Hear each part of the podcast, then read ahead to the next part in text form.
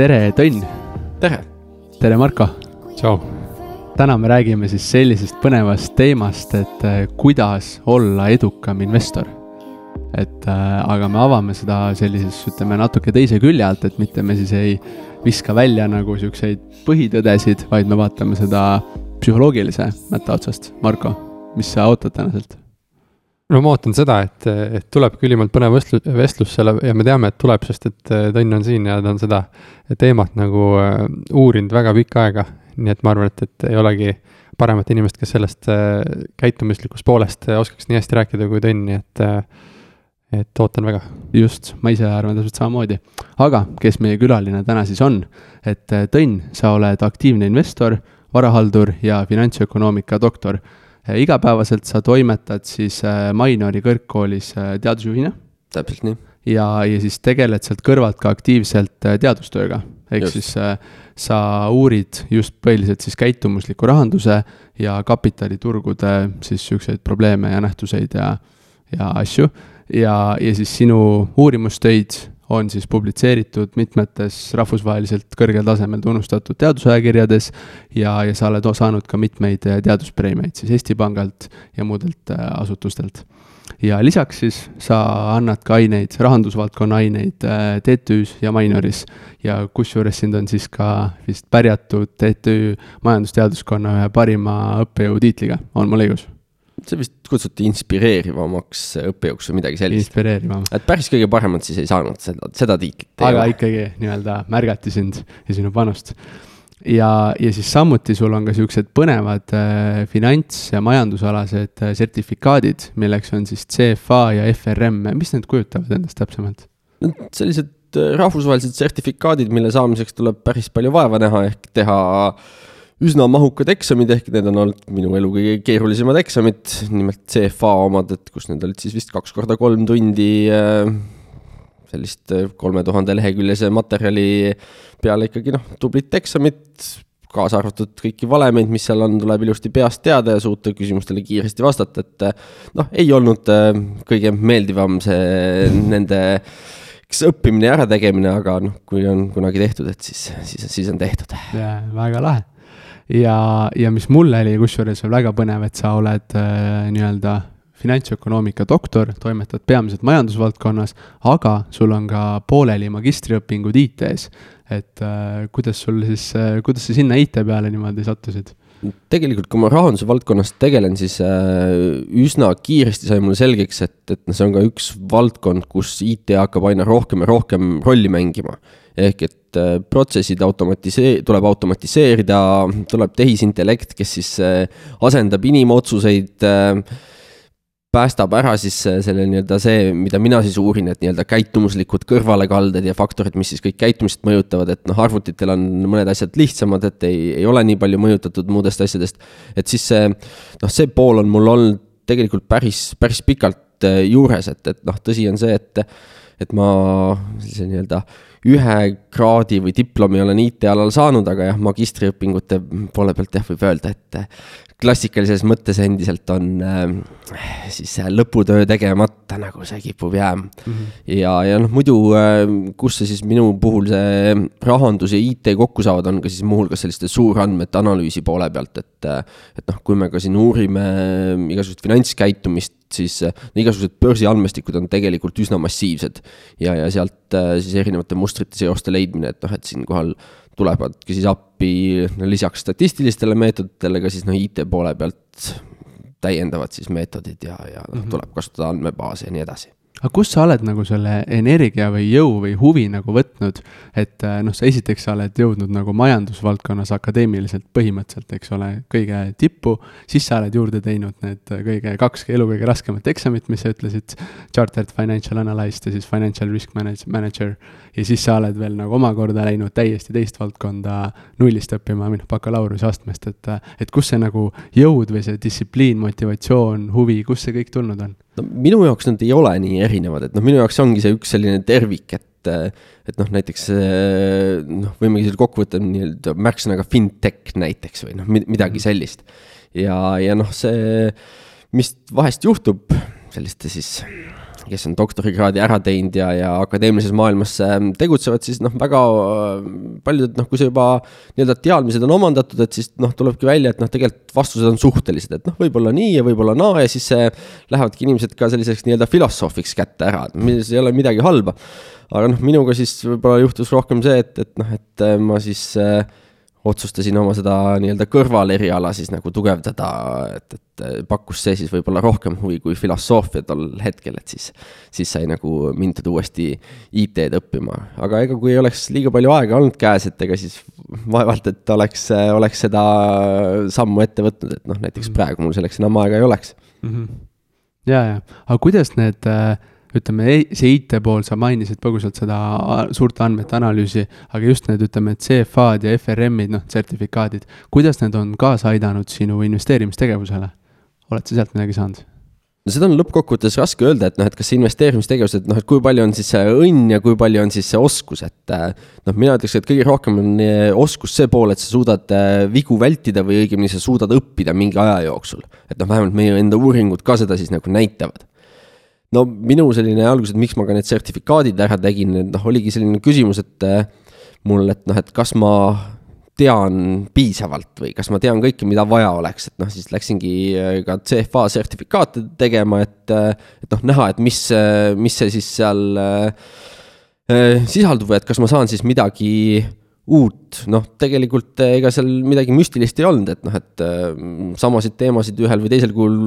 kajast-, siis noh, on kajastatud ka siis ülikoolis erinevates programmides, noh, mitte küll täpselt sellises mahus ja, ja rõhuasetusega, aga, aga noh, sellegipoolest. ja, ja noh, mul on endal siis äh, tavapäraselt olnud selline nii-öelda motivatsioonisüsteem, et tekitanud endale sellise noh, poolstruktureeritud äh, situatsiooni, kus ma olen sunnitud midagi tegema, et noh, et siis, äh, et saada uusi teadmisi, et siis äh, noh, lähen ülikooli ja sunnin ennast siis sealt äh, nii-öelda kraadi saama, et siis, siis ma saan need teadmised või teen siis sertifikaati, et noh, muidu ega, ega ei viitsiks seda kolme tuhandet lehekülge läbi lugeda mm. -hmm. nojah, väga huvitav igal juhul. aga küsides selle kohta, et, et natuke sinu portfelli kohta ja võib-olla investeerimisfilosoofiasse sisse minnes ka, et, et sa täna aktiivselt investeerid ka? jah, et mul on selline nii-öelda oma portfell, et mida ma siis haldan mis see, kui tohib küsida, et millistesse varaklassidesse siis peamiselt äh, tegutsed ja, ja, ja mis loogikast lähtuvalt äh, sa portfelli üles ehitad? Äh, noh, minul mõneti on portfell ka nagu sellise nii-öelda kihiti üles ehitatud, et noh, et on mingisugune vähem riskantne kiht, et mis on siis see, mis võiks siis alles jääda, olenemata sellest, et kas, mis maailma majandusel juhtub noh, see on siis näiteks põllumaa on mul seal esindatud või võsa ja, ja siis eh, noh, üldise filosoofia järgi ma üritan hoida enamuse aega ka siis sellist eh, nii-öelda aktsiainvesteeringuid üleval, ehk et eh, noh, teatud no ütleme sellise mõistliku riskiga portfelli, et, et saada siis noh, enamus aega meil majandus kasvab ja, ja siis, et saada sellest siis osa. aga noh, samas ma olen selline noh, mõnevõrra äh, valmis keskmisest investorist kindlasti rohkem riski võtma, ehk et ma siis äh, aeg-ajalt mängin oma portfelli ümber või et noh, et kui ma näengi või, või arvan nägevat, et, et kuskilt võiks olla mingisugune võime, võimalus siis äh, täiendavalt äh, nii-öelda tootlust saada, et, et siis ma olen jälle valmis äh, ka siis oma nii-öelda baasinvesteeringuid äh, maha müüma ja, ja siis äh,, siis mingil hetkel ma võib-olla investeerin siis selle noh, nii-öelda lühiajalisemalt ja siis mingil hetkel äh, ma siis jälle tulen tagasi oma sellise nii-öelda pikaajalisema filosoofia juurde, et noh, pigem mulle siis ka nii-öelda filosoofilise poole pealt äh, südamelähedasem on selline väärtuspõhine investeerimine ja, ja noh, ja muuhulgas, et siis äh, noh, ausalt öeldes kõige lihtsam ongi omada portfellis mõnda indeksaktsiat, et siis vaeva on üsna vähe ja, ja elu on suhteliselt rahulik selle juures. aga rääkides sellest investeerimisfilosoofiast ja, ja väärtusinvesteerimisest, siis äh, kuidas sa äh, valid äh, siis aktsiainvesteeringuid näiteks endale portfelli? no ma siin ütleks, et see on üsna juhuslik. et oleks väga tore, kui mul oleks selline väga hea protsess, et, et kuidas ma nüüd leiangi need aktsiad, et mis on siis kõige paremad ja kuhu siis investeerida, aga, aga noh, lõppkokkuvõttes ma olen endale tunnistanud, et noh, see, mis ma siis kuhu ma parasjagu investeerin või, või mille, millega ma parasjagu spekuleerin, on noh, sõltub väga palju välistest faktoritest, et kus ma midagi kuulen, millest räägitakse no mis on siin tähelepanu all, et noh, et äh, Eesti poole pealt äh, Tallinna Sadama IPO oli äh, mitte väga ammu, et, et noh, et see oli ka kindlasti üks koht, kus siis nagu osaleda, et kus ma nägin, et noh, sisuliselt on ka selline väärtuspõhise investeerimise filosoofia esindatud ja, ja veel noh, olukorras, et kus siis kus siis pigem, mida aeg edasi jälle noh, mõneti ma olen teisest küljest nagu riskikartlik, et kardan, et millalgi millalgi me võime näha siis ka sellisel turgudel sellist äh, mõnevõrra langust või mõnevõrra rohkem langust, et noh, et siis äh, tol hetkel oli see justkui nagu selline parem investeering, noh, mingil hetkel siis nüüd jälle tuleks mõelda, et mis siis nüüd hetkel parim investeering oleks ja, ja noh, ega need küsimused on alati keerulised. aga kuidas need ideed peamiselt sinuni jõuavad, et osasid sa kuuled siis äh, tuttavatelt, noh, investeerimiskogukonnas on, on tutvused nagu tähtsad, et inimesed räägivad ka natukene Äh, võimalustest, aga, aga mis kanalid veel on? põhimõtteliselt eks, eks olegi nii, et, et äh, nii-öelda loed ja kuuled, et, et äh, ja noh, see nii-öelda lugemine on ka, et noh, et küsimus, et ma mingi hetk üritasin näiteks süstemaatiliselt lugeda Economisti, aga sellest ei tulnud väga midagi välja, sellepärast et tuli välja, et iganädalaselt mul lihtsalt ei ole nii palju aega, et seda lugeda ja siis, siis reaalsus oli see, et see oli mul ilusti tellitud koju aga siis noh, umbes äh, iga nädal tuleb ja siis umbes kord kuus ma siis äh, tegin ühe selle Economisti lahti ja sirvisin natukene seda ja lugesin üks või kaks lugu. ja siis, kui ma olin seda kaks aastat niimoodi teinud, siis ma sain aru, et noh, mul vist väga ei ole mõtet seda tellimust enam üleval hoida. Ja, ja noh, noh nüüd on see siis pigem selline, et, et kui ma mingisuguse intervalliga vaatan äh, noh, on siis Bloombergist, Reutersist või oma mingi äh, maakleri platvormilt selliseid noh, päeva loetumaid uudiseid ja, ja siis noh, sealt viiteid edasi, et noh, siis noh, sealt see siis nagu tulebki, et noh, et äh, millest räägitakse või et noh, kui räägitakse siin ühest ettevõttest, et noh, võib-olla tekib mingi seos hoopis mõne teise ettevõttega. aga noh, viimasel ajal noh, pigem ongi see, et noh, ma väga ei ole selliseid üksikettevõtteid nagu rahvusvaheliselt isegi oma portfelli äh, ostnud, et noh, et äh, kui on olnud üksikettevõtted, siis, äh, siis noh, viimasel ajal selgelt pigem Eestist, kui on. aga kui need ideed siis sinuni jõuavad või loed neid või kuuled teistelt, et et mis järgmine samm on, et millised omadused, millised omadused sa vaatad investeeringu puhul või, või mida sa kohe välistad? no mina ei välista midagi, et no selleks ta peab olema noh, mingi, mingil põhjusel atraktiivne, et noh, et kui ma lihtsalt tahan hoida nii-öelda positsiooni ehk et siis panustangi sellele, et noh, majandusel läheb endiselt hästi, et noh, siis ma võtan indeksit. ja, ja nüüd, nüüd, et, et kui nüüd äh, oleks äh, noh, selline üksikaktsiate valik, et noh, et siis, siis äh,, siis ma mingil põhjusel peakski ootama seda, et noh, et ta siis seda turgu suudaks lüüa. Ja, ja noh, siis äh, tavaliselt oleks vaja mingisugust katalüsaatorit äh, ja ma peaksin siis kuidagi hindama, et noh, et see see faktor ei ole veel siis hinnastatud või see ei ole seal hinnas sees. ja noh, enamasti seda on nagu jälle raske öelda, et noh, et kas ta nüüd on hinnas sees või ei ole, et, et noh, siinkohal ma ei oskagi nagu sellist head valemit anda või öelda, et mida teha. millised need tööriistad on, mida sa ise kasutad, näiteks analüüsid või, või kuidas sa proovidki siis sellest ise aru saada? Äh, noh, nii-öelda tööriistadena, mis, äh, mis mina teen aeg-ajalt, ma siis äh, kasutan erinevaid selliseid aktsia screener eid ehk et noh, leidagi mingite kriteeriumite järgi midagi, mis võiks siis olla huvitav, et noh, see on ka nagu tegelikult üks selline viis, kuidas ideid saada. nüüd olenevalt, et noh, nende screener itega see häda, et, et kui nüüd panna need kriteeriumid sinna liiga lõdvad, siis sa saad sada vastet, võib-olla vahest saad isegi mitusada vastet ja noh, nendega ei ole suurt midagi teha, sellepärast et noh, reaalselt ma ei jõua neid läbi analüüsida kuidagi noh, mingisugune väike lootus on see, et noh, et kui mul tekib noh, ütleme selle noh, hoomatavam arv, noh inimesele hoomatavam arv ettevõtteid, mis siin on, noh, ütleme mingi kakskümmend tükki. siis, siis võib olla juhtunud, et noh, et näed sa, et mul selle screener'iga tuleb äh, tuleb välja, et näed, see kakskümmend ettevõtet, aga kui ma sellele nimekirjale peale vaatan, noh, siis mõni on sealt äh, tuttavam. et noh, üks selline näite,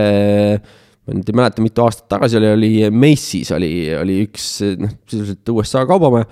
ja mis,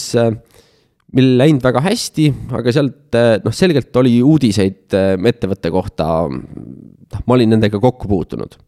ja siis, siis ma mingil hetkel siis koostasin oma sellest nii-öelda screener'i kriteeriumeid, et seal nii-öelda väärtuspõhise filosoofia järgi välja valida siis niisuguseid ettevõtteid, noh, mis sinna siis jääks. ja siis üks vähestest, mis ühele üsna rangetele kriteeriumitele vastas, oligi juhtumisi Macy's ma pean küll tunnistama, et ma kahjuks ei ostnud seda, aga, aga noh, see oli nagu selline selles mõttes suurepärane näide, et noh, et tegelikult oli mulle jäänud äh, meelde muudest allikatest, ta tuli ka selle screener'iga välja, ehk tegelikult ma sain kaks sellist kinnitavat signaali erinevatel, erinevatest kohtadest ja, ja noh, tegelikult peale seda oli noh, see periood, et noh, ütleme, et see oleks olnud ideaalne aeg äh, seda konkreetset ettevõtet osta noh, kas see nüüd oli juhuslik või mitte, et noh, tagantjärgi võib öelda, et noh, näed sa, et noh, oleks ju võinud, aga võib-olla, võib-olla see oli hoopis juhuslik. Aga selline, kui edasi minna, siis fundamentaalanalüüs, tehniline analüüs, et äh, oled äh, kummagi suur austaja või pigem mitte? Äh, no pigem ma ikkagi kalduks fundamentaalanalüüsi poole või noh, nüüd ongi küsimus, et et mis, mis perspektiiviga siis investeerida või kaubelda, et noh, minu nii-öelda taustast, et ma olen ka kaupleja olnud, et et noh, kui sa oled kaupleja, siis ega sind noh, väga nüüd ei huvita, et palju mul nüüd omakapitali tootlus sellel ettevõttel nüüd äh, konkreetselt oli, et noh, et äh, võib-olla huvitas mind see, et noh, et kui nüüd olid äh, majandustulemused tulid välja, et noh, et tõlgendada, et kas majandustulemused on head või halvad, et noh, et siis sa seal vaatad fundamentaalseid näitajaid, noh, vaatadki marginaale ja vaatad ma ei tea, omakapitali tootlust või, või mida iganes ja otsid selliseid anomaaliaid, et ja siis noh, selle järgi siis noh, teed oma selle lühiajalise otsuse. ja lühiajaline otsus on ikkagi noh, vaatad ju graafikut ka, et noh, üldiselt, et ma ei ole leidnud praktiliselt mingit väärtust äh, selles, et ma sealt väga nagu erinevaid tehnilisi indikaatoreid nüüd äh, omale välja arvutaks, et olgu nad siis mingid libisevad keskmised või, või, või, või mingid relatiivsed tugevuse indeksid, et, et noh, see on pigem no ma kindlasti noh, graafikuid vaatan, et noh, ma vaatan sealt äh, noh, üldiselt kipub olema, et noh, et inimpsühholoogia juba toob kaasa selle, et, et noh, on teatud sellised tasemed, et noh, ümmargused numbrid, et, et noh, hind on sada viiskümmend, et noh, et siis äh, no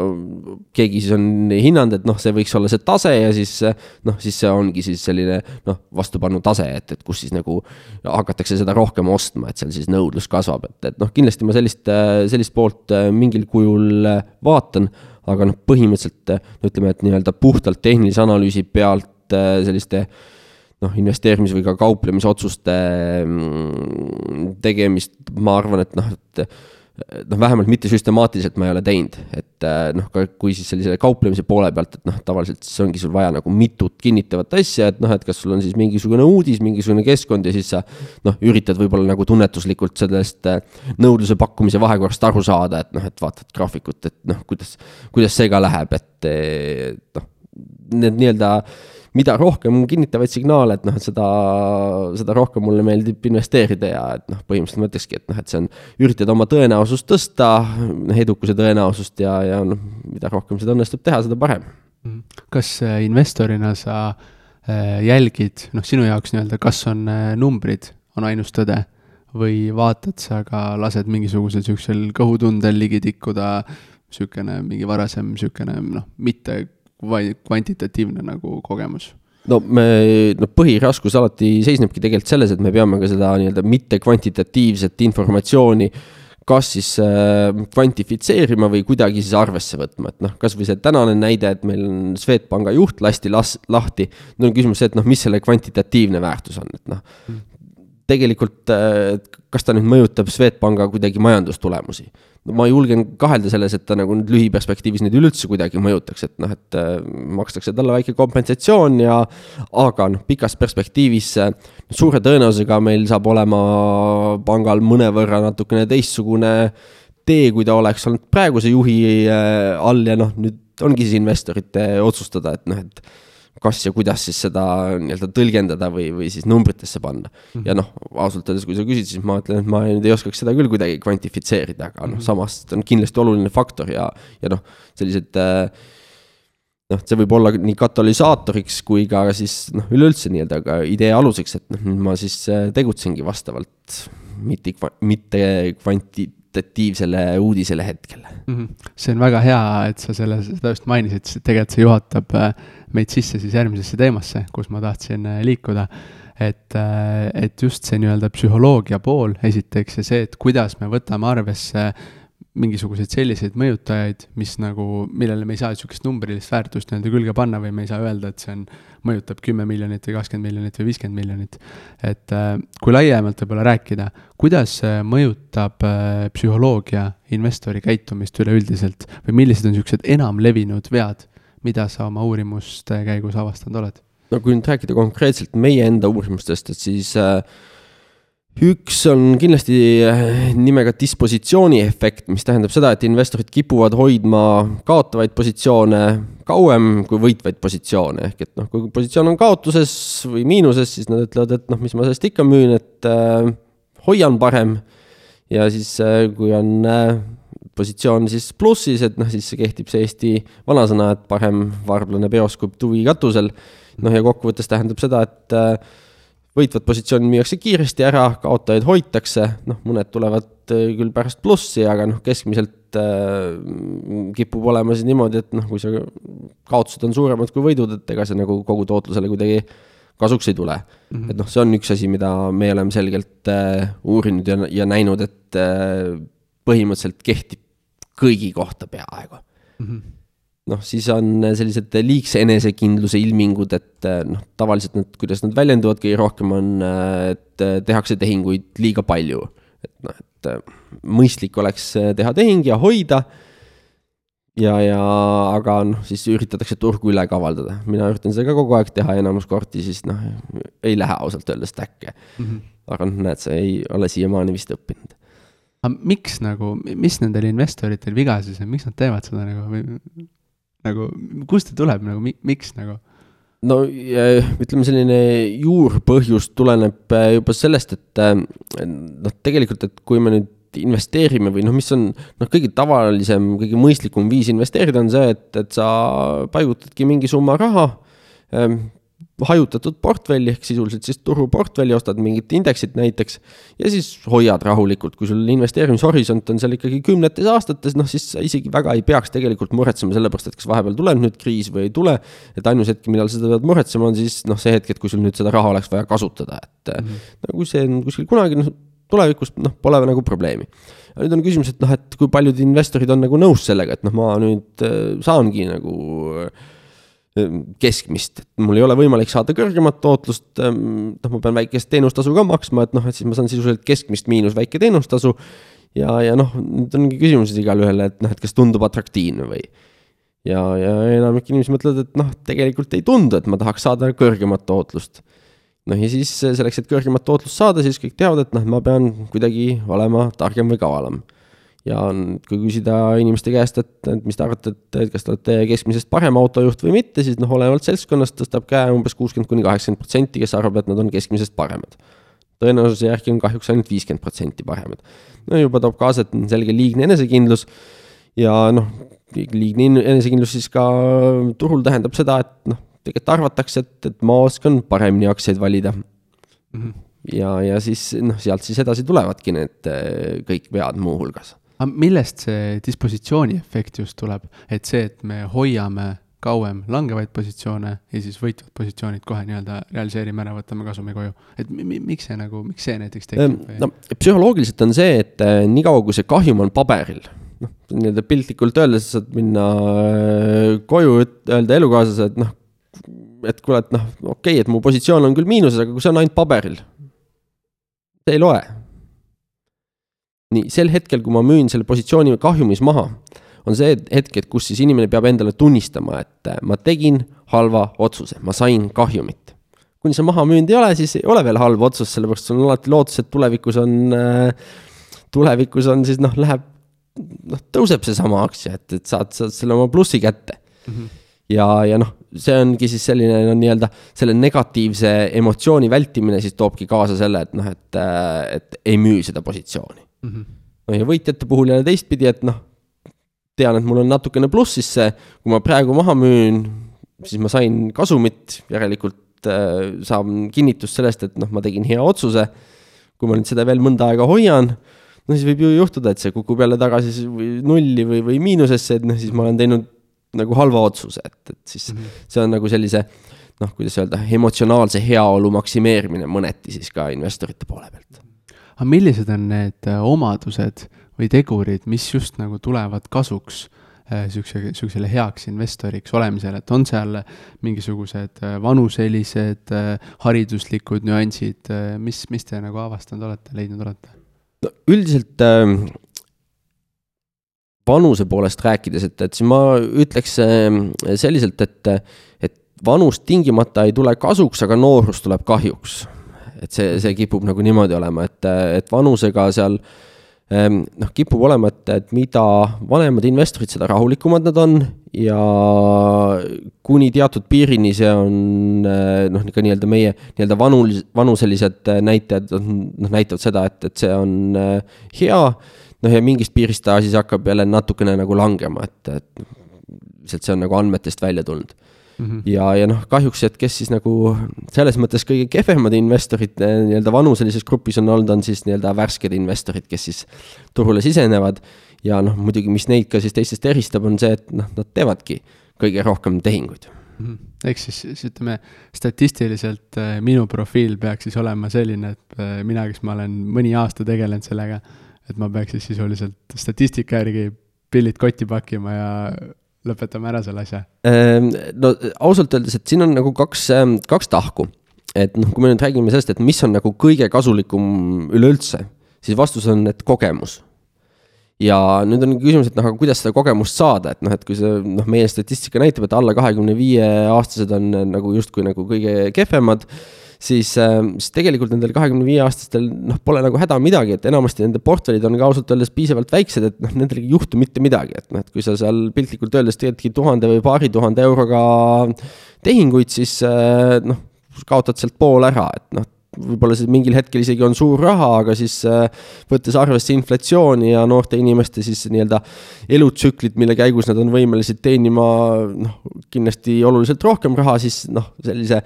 tagasivaatena see oli noh, sisuliselt kommiraha, mis sealt siis kaduma läks. mis nad vastu saavad, saavad vastu siis kogemuse, mis on siis see, mis hakkab neil siis, ähm, tuleb kasuks siis äh, sel hetkel, kui nad on siis äh, natukene vanemaks saanud ja, ja mis siis muuhulgas tähendab, et nad on ka juba rohkem tehinguid teinud mm. -hmm et selles mõttes ei, ei ole hullu. okei okay,, et siis ikkagi mul äh, see lootus säilis, et ma veel lõpetama siis ei pea järelikult. et noh, üldiselt mis kipub olema, et mida ma ei soovita, et noh, et kui, äh, kui jah, et äh, päranduseks saada suur summa ja siis noorena mõelda, et seda hakata nüüd kiiresti investeerima, et siis noh, siis see ei tundu nagu see väga hea soovitus olevat, et mida teha kas mingisugused tegevusvaldkonnad äh, või ütleme, kasvõi mingisugune, mis sa ülikoolis nagu õppida saad, äh, saab sind kuidagi suunata nii-öelda paremaks investoriks või anda sulle mingisuguseid eelduseid? Äh, ta mõneti võib tõen-, tõenäosusi tõsta, ehk et noh, et kui me räägimegi, et mis tõstab, et me ei saa nagu öelda, et üks asi äh, ongi see nii-öelda edu valem, et noh, me saamegi rääkida sellest, et noh, mis, äh, mis tõstab tõenäosusi, mis langetab tõenäosusi. et noh, et kindlasti see saab äh, tõsta tõenäosusi. et kui me näiteks räägime meie enda konkreetsest teadustööst, mis puudutas dispositsiooni efekti, siis seal me hoopis avastasime selle, et, et mitte tingimata võtta siis selline nii-öelda valdkond või, või ka haridus noh, üksi oleks see, mis mõjutab, vaid et noh, et pigem tuli välja see, et, et noh, õppimisvõime. Et noh, me saime seda nii-öelda kaudselt mõõta, et noh, suure tõenäosusega, et noh, kes on kauem ülikoolis käinud, et noh, et äh, ta suudab äh, või noh, ütleme, et tema jaoks ei ole nagu liiga raske neid äh, tüütuid ülesandeid seal teha, et, et tal noh, mingi selline õppimisvõime on olemas või, või mingi distsipliin on olemas. Äh, et noh, et äh, mida õppimisvõimeline inimene oli, et seda kiiremini nad sellest dispositsiooni efektist said lahti või noh, ütleme päris lahti ei saanud võib-olla päris keegi, aga, aga et noh, et see selgelt vähenes mm. -hmm. nii, ja siis meil olid äh, teatud kontingent inimesi, kellel siis noh, nii riigieksamid tulemused kui ka siis selline üldine hariduskäik noh, näitas seda, et nad tegelikult ei ei, kas siis ei läinud edasi õppima või, või õppisid sellistes kohtades, kus on potentsiaalselt lihtsam saada kraadi, et noh, nende puhul noh, oli selline kurb tõdemus, et noh, et mõningatel juhul lihtsalt inimesed ei õpigi, et noh, et teevad küll tehinguid, ühed said aru, et noh, see nüüd ei olnud päris hea mõte, et niimoodi teha, teised teevad ja teevad ja mitte midagi ei muutu, et noh, et siis, siis see kuidagi nagu kasuks ei tule mm. -hmm et eks siis kokkuvõttes siis see kõik ikkagi baseerub sellel õppimisvõimel kui eraldi oskusel jah, no natukene ikkagi aitavad taustateadmised ka, et, et noh, mis me oleme näinud, et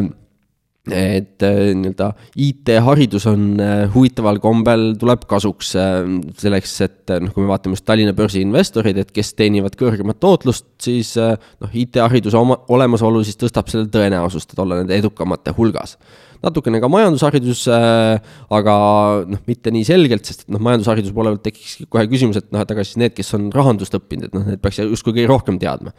Ja vastus on see, et noh, et äh, tegelikult noh, sisuliselt vahet ei ole, et noh, oled sa nüüd rahandust õppinud või ei ole, et et noh, rahanduse õppijad, võib-olla nad, mis neid eristas, oli see, et nad võtsid kõige rohkem riski, et aga nad tingimata ei saanud siis selle riski eest kompenseeritud, et noh, võtsid küll kõrgemat riski, aga noh, said ikka enam-vähem seda tootlust, mis siis, mis siis teised mm. -hmm noh, ja IT poole pealt, et noh, meil selline hüpotees, mida me ei ole saanud tegelikult äh, kontrollida, ongi see, et noh, võib-olla neil on selline nii-öelda algoritmiline mõtlemine kõige rohkem siis justkui nagu treenitud, et noh, nad äh, peavadki siis sellised nii if-else tüüpi lausetesse äh, noh, ka siis mõtlema ja tegutsema, ehk et äh, võib-olla nendel on kõige parem plaan, et noh, see, mis ma ka enda investeerimistegevusel kasutan, on see, et, et kui ma võtan positsiooni, et noh, et siis mul peabki olema plaan, et mis ma teen siis, kui ja ausalt öeldes noh, neid plaane, et siis kuisid võiks olla seal ikkagi noh, hulgim mm. -hmm. aga noh, inimestel tekibki, noh, minul ka probleem, et ega mul neid eh, liiga palju ei ole, et, et eh, ei oska kõiki asju arvesse võtta. Aga et noh, et eh, kui sul juba mingigi plaan on olemas, et siis see kindlasti annab sulle noh, mingisuguse raamistiku, mille raames teha ratsionaalsemaid otsuseid kui need, kes siis noh, ma väidaks, et lähevadki nii-öelda tunnetuslikult, et noh, vaatan, et kuidas siis täna tunne on, et kas ma siis nüüd müün või ei müü, et mm, -hmm. et noh, täiesti no vähemalt minu jaoks on täiesti see mõistlik, et noh, et sa võidki iga päev ümber hinnata olukorda, et noh, et nüüd juhtus see, jälle täna see Swedbanka näide, et tehti äh, läbiotsimine, et noh, ma ei tea, kui paljud ootasid seda, et Swedbanka peakontoris tehakse läbiotsimine, noh, minu jaoks on see nagu noh, selline üsna harukordne olukord ja noh, kellel oli nagu plaan selle jaoks, et mida siis teha, et äh, noh, raske öelda, aga noh, kellel oli mingi plaan, et siis ta võis äh, suuta sellele paremini reageerida kui need, kellel ei olnud mingit plaani. noh, ja võib-olla see on see, kus siis IT natukene aitab kaasa, kaasa kui vaadata nüüd varaklasside üleselt, äh, siis äh, kas mingites varaklassides äh, on näha mingit kindlate vigade esinemist nagu rohkem? me varaklasside lõikes seda väga ei ole vaadanud, et no kui ma nüüd üritan meenutada, et et mis, mis kuskil mujal varasemas kirjanduses on, on leitud, siis noh, põhimõtteliselt mis noh, enamus selliseid ütleme, käitumuslikke kõrvalkaldeid või vigu, et, et kui neid vaadeldakse, et siis neid vaadatakse aktsiates või aktsiate puhul. ja põhjus, miks seal on, et äh, seal tehakse tegelikult kõige rohkem tehinguid. Kui me vaatame, et noh, et äh, kus, kus veel tehinguid on, siis äh, noh, küll mitte Eesti näitel, aga muude riikide näitel, siis fondidesse investeerides on samuti neid tehinguid noh, ka üsna palju. Ja noh, üldiselt kipub olema nii, et noh, nii aktsiatehingute kui ka, kui siis sellise nii-öelda fonditehingute puhul, noh, on sarnased äh, jooned, et äh, kui ma õigesti mäletan, et kas see oli siis Peter Lynch või kes, äh, üks igatahes väga tuntud äh, fondijuht, et kes siis äh, noh, keskmine tootlus mingil perioodil oli tal ka umbes kakskümmend protsenti keskmiselt aastas ja siis, kui ta hakkas vaatama, et, et kui paljud tema siis investorid on äh, samal ajal raha teeninud, siis tuli välja, et pooled investorid või veel, see võis olla veel suurem number investorid, kes siis tegelikult on raha kaotanud sel ajaperioodil, kui tema on keskmiselt äh, kakskümmend protsenti aastas teinud. no siis tekkis küsimus, et noh, miks see nii on ja vastus oli sellepärast, et noh, et investorid äh, siis, kui ka fond kukkus, noh, arvatavasti koos turuga natukene, siis nemad mõtlesid, et nad on targemad, müüsid, muidugi noh, müümise jäid hiljaks, ehk et sisuliselt nad müüsid põhjas. ja siis, kui jälle siis ka seesama fond siis tõusma hakkas, et siis nad äh, ostsid tagasi. aga noh, kokkuvõttes jäid, jäid oma sellest tootlusest ilma, ehk et noh, fondide puhul kipuvad kehtima sarnased asjad nagu aktsiate puhul võlakirjade puhul lihtsalt neid tehinguid on oluliselt vähem, kinnisvaras tehakse samuti vigu, aga noh, kinnisvaratehinguid on noh, ka noh, veel vähem, et. kas see mitte küll varaklass, aga kas see viis, kuidas investeeritakse, näiteks kauplemine, kas kauplemises tuleb midagi omamoodi välja? üldiselt eh, noh, kauplemine on eh, noh, kipub aina rohkem olema selline no selgelt rohkem kui investeerimine on ta nullsumma mäng. mis noh, ma võrdleks tippspordiga. et, et kui nüüd tavainimene läheb, mõtleb ka, et et ta läheb siis äh, koos tippsportlastega siis äh, mingisugusele jooksuvõistlusele, et, et kes siis võidab. Äh, noh, võib-olla see tavainimene on ka teinud päris palju trenni ja, ja käib metsas iga päev jooksmas, aga noh, ta ei ole seda kunagi teinud tipptasemel, ta ei ole süstemaatiliselt selleks valmistunud. noh, siis vastus on see, et noh, tal ei ole sisuliselt šanssigi, vähemalt mitte alguses ja noh, kokkuvõttes tähendab siis seda, et, et suure tõenäosusega on siis tema selles nullsumma mängus see, kes siis on kaotaja investor, investeerimise poole pealt on asi mõnevõrra parem, sellepärast et noh, kui me vaatamegi, räägime maailma majandusest, et siis noh, maailma majandus äh, siiamaani on kogu aeg kasvanud. küll mitte nüüd iga aasta, aga noh, vähemalt keskmiselt ja noh, investeerides sa saadki osa sellest. noh, vähemalt kui sul on hajutatud äh, portfell ja, ja noh, see tähendabki, et noh, mõneti on sinna see nii-öelda kasv sisse kirjutatud. noh, kauplemise puhul ei ole ja, ja kauplemise puhul sa peadki siis arvestama sellega, et, et äh, nii-öelda see hind, mis sa siis äh, alguses maksad selle eest, et, et siis äh, noh, ka jõuda siis nii-öelda nende tippsportlaste lähedale. sest et noh, sa ei pea ka jalgpallurina olema maailma kõige parem jalgpallur, et miljon eurot aastas teenida, vaid vaid noh, võid olla seal, ma isegi ei kujuta ette, mitme, mitmesajas või tuhandesse ja ikka saad miljoni aastas, et, et noh, kauplemises mõneti võib see umbes samamoodi olla. Aga kas tuleb ka midagi välja, vaadates eri piirkondade börse? et ma tean, et te olete uurinud enamasti Balti börsi ja, ja. võib-olla Tallinna oma veel rohkem, aga, aga kas tuleb maailmajagude kaupa ka midagi äh, välja? natukene tuleb, et seal tulevad äh, sellised kultuurilised erisused et eh, noh, me oleme ka vaadelnud, et eh, noh, meie käest alati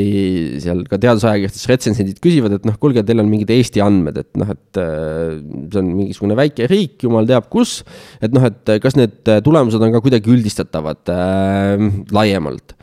ja noh, nii palju, kui me oleme võrrelnud, et siis noh, tegelikult me oleme väga sarnased ameeriklastele ja ka soomlastele. siis noh, ühesõnaga, et suhteliselt individu-, individualistlikud äh, riigid, kultuurid ja, ja siis noh, tulenevalt sellele siis ka selline nii-öelda tehingute tegemise dünaamika, et noh, umbes kui vaatame, millised on keskmised tehingute arvud ja, ja, ja noh, igasugused sellised asjad, noh, väga lähedased ausalt öeldes noh, kohati isegi nagu üllatav aga samas noh, siis kui me hakkame võtma mingisuguseid muid riike võrdlusesse, et noh, kõige ekstreemsem näide, mis meil on, on näiteks Türgi. ja noh, lugesin siis ka ühte sellist nii-öelda Türgi koha pealt äh, kirjutatud teadustööd, mis vaatles siis noh, türklaste investeerimiskäitumist ja, ja noh, mul tekkis kohe küsimus, et noh, et äh, kas siin kuskil on nagu midagi valesti läinud. sest et need numbrid, mis seal nagu kirjas olid, ei olnud noh, üleüldse võrreldavad Eestiga, et noh, ütleme a la äh, tehingute tegemissagedus on noh, umbes viiskümmend korda rohkem kui Eestis. mis on siis võrreldav äh, USA ja Soomega nii, ja siis ma läksin, rääkisin siis äh, ühe türklasega sellest, et noh, et sihuke asi, et äh, ma peaksin nüüd oma arvamust avaldama, aga mulle tundub, et noh, et seal need numbrid on absurdsed. ja, ja mis ta siis mulle rääkis, et noh, et kuule, et tegelikult äh, Türgis see võib, need võivad olla täitsa realistlikud numbrid, et noh, et äh, vaadake, et seal ongi selline, et, et seal on kollektiiv ja, ja siis on sellised äh,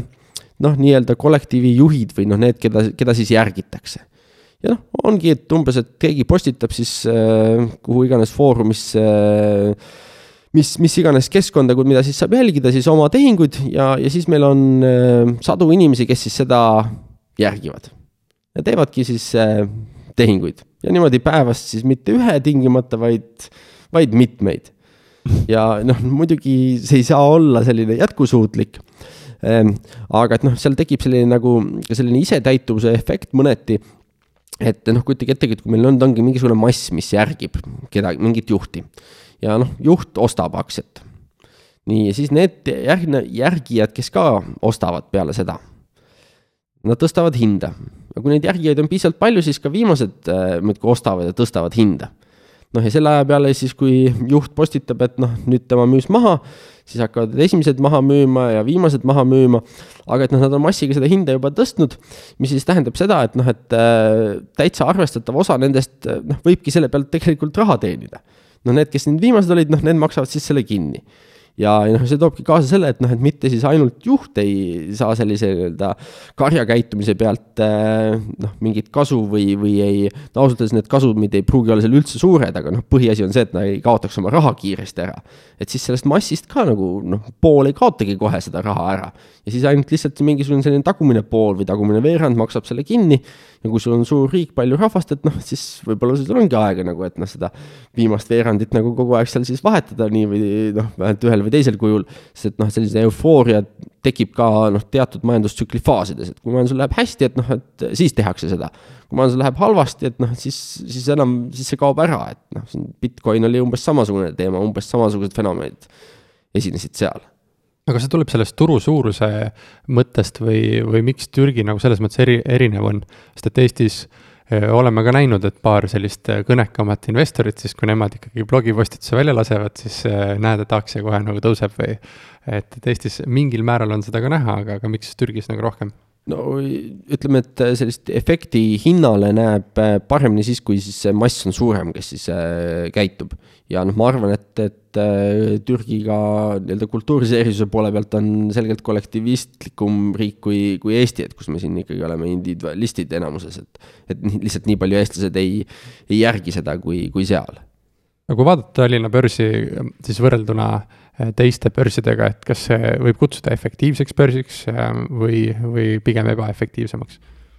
üldiselt kipub olema niimoodi, et mida suurem ja likviidsem börs, seda efektiivsem see on.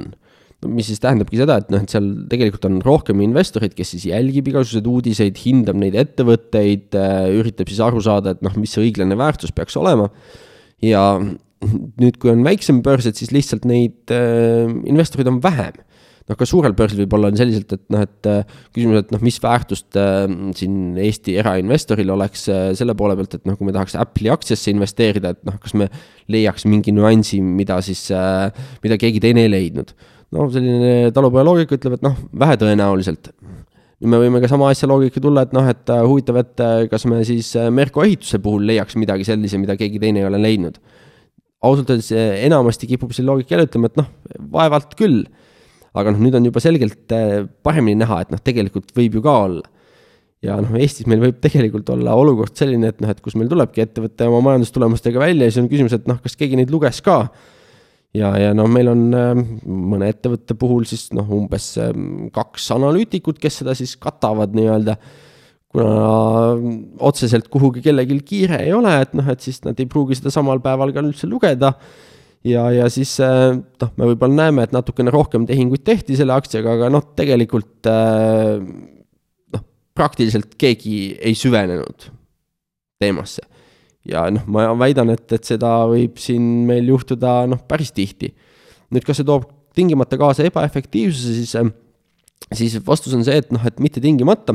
sellepärast et me lihtsalt peame või noh, ütleme, mis siin see Eestis kipub olema, et me peame natukene rohkem aega andma, et lihtsalt, et äh, nüüd, kui oli negatiivne uudis, ähm, noh, ma ei tea, kaubamaja müük ei tulnud nii hea, kui, kui loodeti,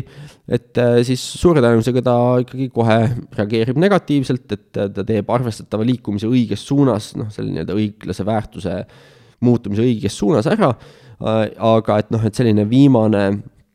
viimane ots siis ütleme, et Eestis on suurem tõenäosus sellele, et see nii-öelda tervet liikumist ei tehta kohe ära. et tehakse osa hiljem ja noh, aga ausalt öeldes, eks samasuguseid fenomene on, on ka siis mujal turgudel, et eh, noh, et lõppkokkuvõttes eks need investorid siis otsivadki, eh, otsivad seda tasakaalu hinda, et noh, et eh, kas nüüd tegime terve liikumise ära või oli hoopis ülereageering või alareageering, et, et noh, see on niisugune noh, ütleme, see võib olla selline omaette investeerimise või kauplemisstrateegia, üritada nendest siis kuidagi kasu lõigata see pani natukene, see jutt isegi muigama, et, et, et äratundmisrõõm oli suur, et, et tõesti tulevad need kvartali tulemused ja samas, kes siis, tekib küsimus, et kas kõik, kas seda üldse loeti yeah.. ja, ja arvestades pankade analüütikuid ka, siis nad ei kata kõiki äh, siis ettevõtteid võrdselt ja sama aktiivsusega, siis võibki tekkida olukord, kus äh, reaalselt keegi ei ole läbi töötanud neid tulemusi. ma just tahtsin tegelikult selle kohta küsida, et kui suured käärid on seal vahel, et ütleme noh, mingid ettevõtted Tallinna börsil tahes-tahtmata on rohkem pildis, rohkem investorite hulgas populaarsemad ja siis mingid on niisugused natukene nagu börsi tagumise otsa ettevõtted, mida nii tihti ei vaadata, mis ei ole nii populaarsed. et kuidas seal need äh, liikumised nagu võivad erineda või see efektiivsuse aste just?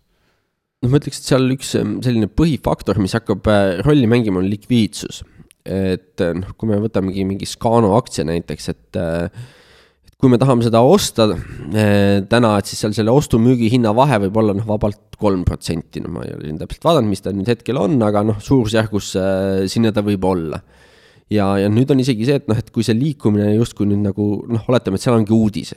noh, oli positiivne uudis, peaks hind tõusma. Ja, aga kui nüüd hind peaks tõusma viis protsenti selle uudise poolest, noh, hindamegi, et noh, ettevõtte väärtus kasvab viis protsenti, tegelikult see on noh, väga korralik ettevõtte väärtuse kasvamine. noh, selle pealt, et äh, nüüd läks midagi nagu äh, selgelt paremini, kui oli oodatud. ja noh, nüüd on, mis siis see investor peaks sellises olukorras tegema no tegelikult tema häda ongi see, et noh, isegi kui ma olen ainus investor, kes selle uudise läbi luges ja reageerib selle peale, siis sellest noh, potentsiaalsest viiest protsendist ma sisuliselt kolm protsenti pean siis nagu ära maksma sellele, et mul on see ostu-müügi hinna vahe nii suur, et noh, see on nagu kaduma läinud. Ja nüüd tekibki, noh, ta ei lähe otseselt kaduma, et kui ma nüüd pärast hoian seda veel hästi pikalt ja suudan siis selle veel noh, hakkangi maha müüma selliselt, et noh, näen väga suurt vaeva, et hoiangi siis oma seda seal kuskil ülemises ääres, et ei müü seda turuhinnaga või hetkehinnaga, et noh, siis ta kõik ei pruugi kaduma minna, aga noh, põhimõtteliselt see on see kaudne kulu. noh, seda võib isegi üsna otseseks kuluks nimetada, et mis siis, mis siis läheb kaduma. ja nüüd ongi nüüd küsimus, et noh, et, et kui ma arvan, et hind peaks tõusma viis protsenti noh, ei ole veel üldse tõusnud või on tõusnud kaks protsenti, et noh, et siis ma tean, et minu selle hinnangul on ka mingisugune veamäär, et noh, on ta nüüd viis protsenti või kolm või seitse, noh, tegelikult ma ju ei tea, aga ma maksan kolm juba ära. noh, ja siis, siis toobki, no siis toobki kaasa selle, et okei okay,, et ma võin tehingut teha, aga noh, mitte sellises mahus. ja siis teine asi, kui ma päriselt seda pärast tahaksin teha, et noh, siis tegelikult ma saan seda teha kahe tuhande euroga ja, ja kas mul siis seda kahe tuhande euroga nagu tasus ära või ei tasunud, et, et noh, et teen kahe tuhande euro pealt siis noh, korrigeerides kõigile muule kaks protsenti ja, ja noh, siis võibki tulla, et tegelikult ei tasu vaeva ära mm. -hmm. selle kodubörsi teemaga jätkates, ma tegelikult, äh, kui me saadet ette valmistasime, siis ma sattusin niisuguse huvitava paradoksi otsa ja ma taht-, tahaksin sinult nagu küsida selle kohta et äh, alustavatele investoritele tihtipeale soovitatakse, et alusta kodubörsist, see on sulle tuttavam, sa tunnetad seda paremini, ilmselgelt Tallinna Kaubamaja, Tallinna Vesi näiteks on sulle tuttavamad ettevõtted, äh, sest noh, sa, eks ole, tarbid nende tooteid teisest küljest, äh, kui ma lugesin nende käitumuslike kõrvalekallete ja heuristikute kohta, siis seal oli selline asi nagu familiarity bias, ehk siis noh, see tuttavuslikkuse või familiaarsuse nagu heuristik, kus just oli nagu niisuguse käitumusliku veana toodud, et in-, investorid eelistavad neid ettevõtteid, mis on neile tuttavamad, kuigi tegelikult nad ei peaks seda võib-olla tegema.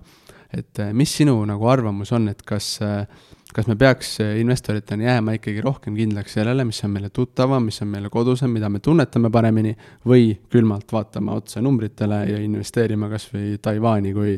kui seda numbrid ütlevad?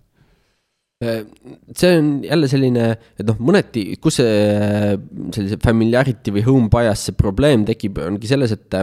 inimesed kipuvad vaatama liiga väikest äh, siis äh, investeeritavat universumit, et noh, et vaatadki, et ainult oma siis koduturgu või ütleme, koduturult siis neid ettevõtteid, millest siis kuskil meedias räägitakse mm. -hmm. ja, ja muud asjad unustavad ära.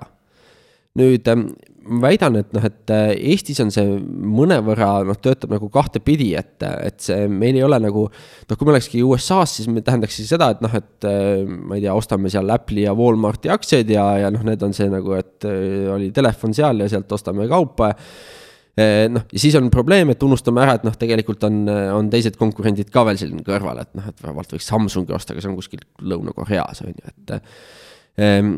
ei, aga et noh, mis siis äh, Eesti puhul see siis nii-öelda pluss on, on see, et äh,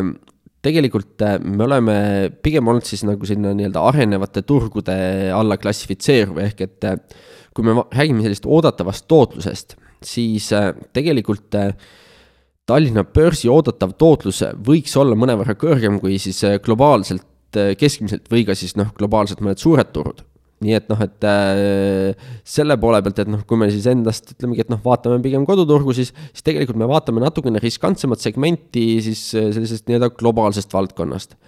kas see nüüd äh, alustavale investorile on halb, ma väidaks, et ei ole halb, et äh, noh, väga paljudel juhtudel, eriti kui see investeerimishorisont on pikem, et see ei pea olema nagu noor inimene selleks, et see pikk see horisont oleks, vaid noh, et kui pensionini on ikkagi veel kümme aastat aega, et noh, kümme aastat on investeerides ka pikk et noh, et siis, siis selle nii-öelda kõrgema riski võtmine mõneti isegi nagu noh, võiks nagu ära tasuda. ja noh, põhiasi ongi see, et kui sa suudad vältida seal siis noh, selliseid äh, probleeme, et noh, et äh, ostadki nii-öelda loteriiaktsiat või midagi sellist, et kus siis äh, kus siis see noh, võib minna ka päris halvasti, et kui sa ostad noh, nii-öelda mõistlikult noh, ütleme siit noh, vaatamegi, mis Tallinna börsil on, siis, siis meil need nii-öelda suured tuntud nimed on noh, tegelikult üsna mõistlikud investeeringud, et noh, Tallinna Kaubamaja, isegi Tallinna Vesi ja, ja noh, nii edasi, et noh, seal suure tõenäosusega midagi väga halba ei juhtu. ja noh, mis on veel nagu eelis selle poole pealt, et noh, me oleme siin pigem sellises kõrgemas inflatsioonilises keskkonnas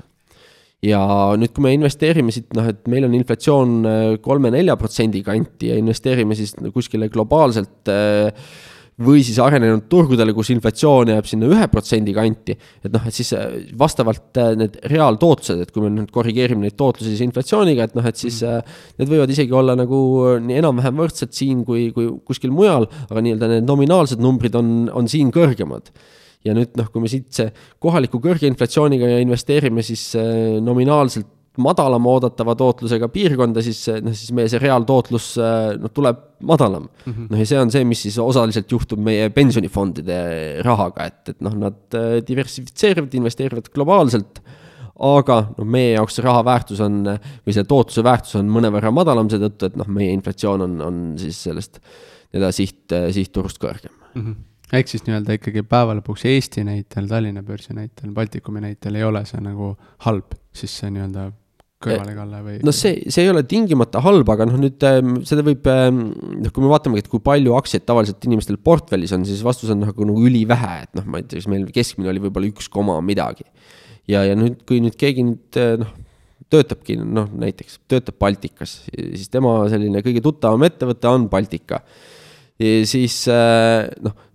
see on üks harv näide, mil, mis on siis noh, võib nii-öelda ka loteriiaktsiaks justkui nagu klassifitseerida, et noh, et järsku läheb hästi, aga noh, oodatav tootlus on pigem negatiivne. et siis eh, noh, sellisel juhul eh, noh, see võib väga valusalt kätte maksta või noh, õigemini ma valisingi näiteid, kus ta nagu valusalt kätte maksaks mm. -hmm. aga noh, kui me vaatame nüüd nagu enamikke aktsiaid, mis meil siin on olnud, et noh, et siis no, praegu nad isegi ei ole nagu väga halvasti, äh, halvasti siis nagu mõjunud, et, et äh, noh, enamikel juhtudel on see olnud suhteliselt okei okay. mm. -hmm. et kui me vaatame muidugi eestlaste sellist nii-öelda portfelli, et me kaudselt oleme üritanud tuletada, et noh, kui palju selline koduturu osakaal on, siis, siis noh, erinevatel perioodidel me hinna, hindame, et see on seal kuskil seitsmekümne viie, kaheksakümne protsendi vahel et noh, et siis sisuliselt ainult kakskümmend protsenti kuni kakskümmend viis siis paigutatakse kuhugi välisaktsiatesse, et noh, see on siis nii-öelda Eesti Panga statistika järgi tuletatud numbrid. et noh, et siis selgelt me noh, näeme sellist kõrget, kõrget koduturu eelistamist, mis on üsna tavaline ka ülejäänud turgudel mm. -hmm. teine asi, mis ma tahtsin äh, selle nii-öelda huvitava kaasusega osas küsida on see, et äh, ma olen lugenud sellise asja kohta, et ettevõtetele tihtipeale meeldib justkui nagu ära kasutada seda inimeste psühholoogilist aspekti seeläbi, et näiteks kui ettevõttel on äh, negatiivsemad majandustulemused, siis see avaldatakse reedel peale turu sulgumist. Et inimestel see nagu emotsioon jõuaks vaibuda nädalavahetusel, tore nädalavahetus, näpud püsti, puhkus ja värgid-särgid ja siis esmaspäeval nad teevad väiksema tõenäosusega selle müügitehingu, kui nad võib-olla teeksid nagu nädala sees, kui see uudis nagu tuleks nädala sees teatavaks. et äh, mis sa esiteks nagu sellest arvad, kas see peab nagu vett, see, mis ma ütlesin, rääkisin praegu, ja kas mingisuguseid siukseid praktilisi nippe või, või äh, asju on veel, oskad sa nagu jagada meie kuulajate-vaatajatega, et kuidas võidakse nagu natuke investorite meeltega niimoodi mängida? Äh, jah, see töötab et ehm, seda on äh, siin üsna tihti näha, et, et kui nüüd ei ole mingi uudis, mis oleks äh, noh, mingi kindlal kuupäeval välja lubatud, et siis üritatakse negatiivsed uudised panna reede õhtuks. just nimelt, et saaksid emotsioonid vaibuda. Mõneti see ongi siis ka siis võib-olla mõistlik, et siis investoritel ongi aega ja teevad esmaspäeval ratsionaalsemaid otsuseid. noh, kus veel manipulatsioon toimub, on noh, näiteks ka siis erinevate finantsandmete kuvamises et kui me noh, kas siin Tallinna börsilt võtame näiteid, et ettevõtted või ja perioodid, kui, kui ei lähe nii hästi, et noh, mida nad kirjutavad oma aruandes siis vastus on see, et noh, et nad on sunnitud kirjutama, et noh, et meil on kahjum hetkel, nad ei saa sellest kuidagi kõrvale minna. nüüd on küsimus, et noh, et aga kui pikalt nad sellest kirjutavad. ja vastus on, et nii lühidalt kui võimalik. siis, kui midagi samal ajal oli hästi, siis sellest nad kirjutavad eh, nii pikalt kui võimalik ja noh, ja see toobki kaasa siis selle, et, et noh, et üritavad seda negatiivset näidata siis mitte nii negatiivsena. noh, nüüd ongi küsimus, et kui paljud siis lasevad ennast sellest mõjutada. Teine asi, noh, mis ka veel tehakse, on näiteks aruannetes erinevaid graafikuid äh, kuvatakse selliselt, et et, et noh, et need näiteks langused ei oleks nii hästi näha, et noh, kujutage ette, et noh, varade maht kas-, kukkus äh, Äh, kukkus ähm, kaks protsenti. nüüd, kui ma panen graafikule varade mahu miljonites eurodes, siis see kaks protsenti ei paista sealt üldse välja, sest et mõlemad on enam-vähem sama pikad tulbad mm. -hmm. nüüd, kui ma paneksin graafikule, et kaks protsenti miinust ja eelmisel aastal oli kolm protsenti plussi nagu ainult selle kahe protsendi ja kolme plussid, noh siis näeme, et oi, et noh, midagi on, noh, suur jõnks on käinud, on ju. noh, et, et selliseid asju tehakse ja noh, kõik sellised äh, ka avalikud sõnavõtud, et noh, selle koha pealt on ka teaduslik töid tehtud, et noh, et äh, mida CEO-d, millist sõnakasutust nad äh, mingitel hetkedel kasutavad ja millised on justkui nagu paremad lähenemised ja mis on halvemad lähenemised ja, ja noh, tehakse kindlaks, et näed, see, et et see mingist avalikust kõnest, et esimene pool on hoopis siis investor relations'i poolt äh, kirjutatud. noh, ja siis, kui nüüd CEO nagu oma sõnad tulid, et noh, siis need olid nagu teistsugused ja siis noh, mõni CEO nagu suudab äh, püsida skriptis ja mõni siis ei suuda, et noh, et ja kõik mõjutab natukene vähemalt ehm, ma tuleksin siia sisse sellise teemaga, et, et, et nüüd me oleme rääkinud äh, pikalt nendest erinevatest käitumuslikest äh, vigadest, mida investorid teevad börsidest ja, kõigest muust. et kuidas me saaksime siis äh, ise ähm, neid vältida, mis on need praktilised nipid, mida me saame siit kaasa võtta, et võib-olla äh, sa aitad meile, meile nagu rääkida sellest, et, et kuidas neid ära tunda, esiteks, kuidas ma eksin, ja teiseks, mida sa oled ise rakendanud, milliseid rutiine, harjumusi, protsesse, et neid vältida kõige rohkem aitab kogemus ja noh, sellest kogemusest on ainult siis kasu, kui, kui ollakse õppimisvõimelised. mõned on, õpivad kiiremini, mõned aeglasemalt ja mõned ei õpi üldse. ja noh, nüüd on see siis see küsimus, et millal ma siis saan aru, et kas ma üldse teen vigu või, või ei tee vigu ähm,. noh, üldiselt, et millal me kõige kiiremini õpime, on see, et noh, et kui meil oleks võimalikult kiire tagasiside, et noh, et kas nüüd läks hästi või, või ei läinud hästi tegelikult investeerimises meil ei ole kiiret tagasisidet, sellepärast et noh, et eriti kui me investeerime pikema horisondiga, siis me tegelikult näeme alles ma ei tea, kolme aasta pärast, viie aasta pärast millalgi, et äh, kas siis nüüd oli õige otsus või ei olnud. kui me nüüd hakkame vaatama, et noh, et olgu, täna ostsin, et kuu aja pärast on miinuses, et noh, nüüd oli halb otsus, no siis tegelikult ei pruukinud üldse olla halb otsus, sest et ma tegin selle teise ajahorisondiga, et ma ei peaks üldse jälgima, vaata, et seda hinda kolme kuu pärast siis eh, noh, mida kasutada, noh, mina isiklikult eh, kasutan selliseid nii-öelda kontrollnimekirju, et, et noh, põhimõtteliselt ongi, noh, üritan seda natukene enda jaoks struktureerida. et eh, noh, ongi mingisugused asjad, mida siis peaks nagu vaatama või jälgima, et noh, et, et näiteks, et kui ma võtan positsiooni, et noh, et siis siis mul peab olema, eriti tore oleks, kui oleks kirjalikult, aga kahjuks ei ole iga kord kirjalikult, et peab olema siis nagu need eh, nii-öelda põhjus äh, olemas, et noh, et miks ma selle positsiooni võtsin, kaua ma plaanin seda hoida ja, ja millistel juhtudel ma siis äh, sellest siis ka välja lähen või et noh, ühesõnaga, et noh, need mingisugused äh, nagu ma enne ütlesin, if-else tingimused, et noh, et siis kui, et siis mis ma siis teeksin. Et siis äh,, siis on nagu lihtsam teha neid otsuseid siis, kui tuleb see uus informatsioon ja seda uut informatsiooni nagu paremini tõlgendada. ja noh, sellised, ütleme,